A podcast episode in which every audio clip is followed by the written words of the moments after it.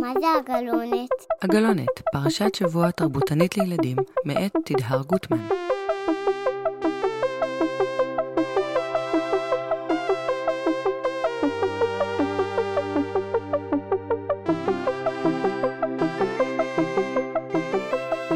שלום לכם, אני ממש שמחה שהצטרפתם אליי לפרק חדש של הגלונת לפרשת וארא. הפרשה השנייה בספר שמות, שבה ממשיך סיפור יציאת מצרים. או אולי הוא סוף סוף יתחיל, כי חלק מאוד גדול מסיפור יציאת מצרים הוא עד שבכלל פרעה מרשה לבני ישראל לצאת. רוב הפרשה שלנו מספרת על מסע השכנוע הזה, שרובו מתרחש דרך עשר המכות. המכה הראשונה היא... מכת הדם. המכה הראשונה היא באמת מכת הדם. אהרון מכה על היאור, וכל מי היאור הופכים לדם. אחריה מגיעה מכת הצפרדע. כשאהרון מכה על הארץ, ועולים ממנה צפרדעים שממלאים את כל הבתים, ואפילו את הבצק, ממש בכל מקום יש צפרדעים. המכה השלישית היא מכת קינים. זה היה נורא מגרד גם לחיות וגם להם. גם בני האדם? כן, הקינים הגיעו גם לבני האדם. זה באמת מעניין לחשוב על זה, שבעצם הדם אולי הבהיל את המצרים, או מאוד הפריע להם כי לא היה להם מים לשתות, והם לא יכלו להתקלח. בטח גם הצפרדעים הסתובבו להם בין הרגליים, אבל זה נכון שהם לא נגעו בהם ממש. הקינים כבר בטח גירדו להם מאוד. אחרי הקינים הגיעה מכת הרוב, שיש מי שאומרים שזה ערבוב של כל מיני חיות. מכרסמים או עכברים קטנים, יש כאלה שאומרים שזה חיות טורפות, ובאמת בתורה לא מסופר אם מישהו נפגע מהם או שהם רק השחיתו את הארץ, קלקלו. אולי כולם פשוט התחבאו בבתים?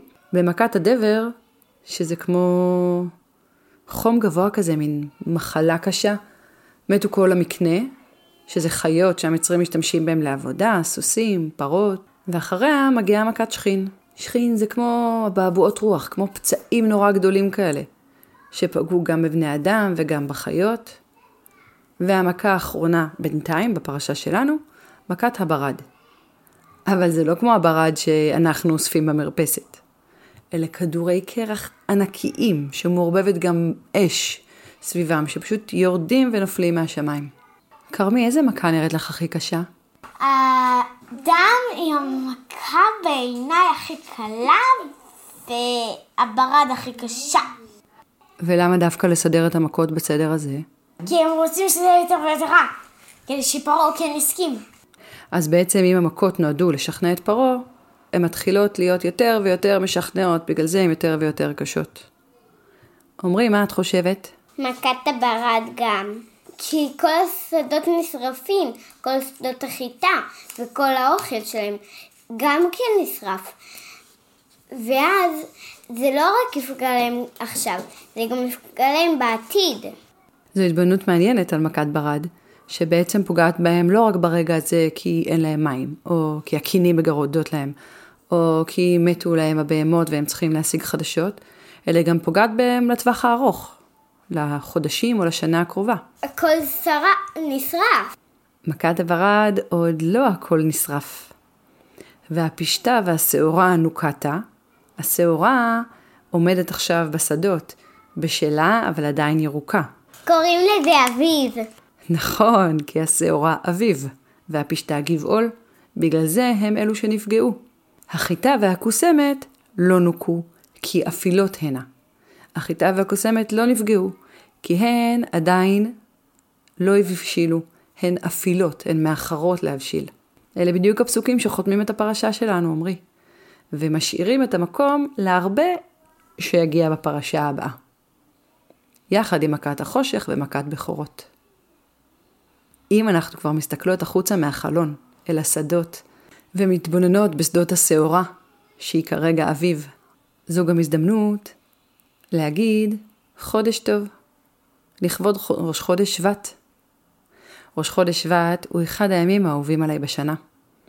הוא החודש שמסמל את המהפך שיש באמצע החורף, שאנחנו עוברים מהשלב של הסתיו, שבו העלים נושרים, ותחילת החורף, שהעצים, עצי הפרי עומדים ערומים, והולך ונעשה יותר ויותר יותר קר ויותר ויותר חשוך, והאדמה נראית לנו כאילו אין בה כלום.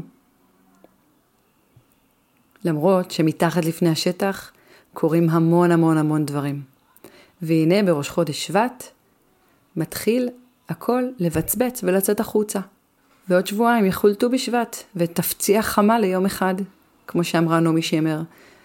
אמנם לא הרגשנו את זה השבוע, כי היה קצת יותר מדי שמש בשביל אמצע החורף.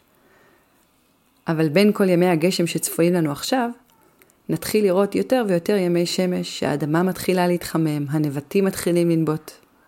לכבוד חודש שבט, כתב לפני קצת יותר מ-500 שנה יהודה אלחריזי פיוט נפלא, שממש מתאר איך מתוך הארץ יוצאים הצמחים, ואיך הכפתורים והפרחים של העצים מתחילים להציץ, השמש מתחילה לחמם את הכל.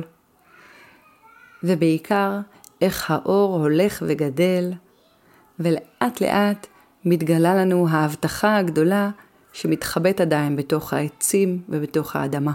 והארץ הוציא צמחיה, וגרש ירחיה, וכפתוריה ופרחיה, והשמש תפרוס כנפיה, לעבר שפיה, ותפיץ רשפיה, להחיות נגופיה. והאור יגדל, והקור ידל. השמש תקרב, והאור יערב, והערוגות יגלו פניהם, ונפתחו עיניהם. תודה רבה כרמי על הקריאה המקסימה. ותודה לכם שהייתם איתנו בעוד פרק של הגלונת. להתראות בשבוע הבא. חודש טוב. חודש טוב. שבת שלום וחודש טוב.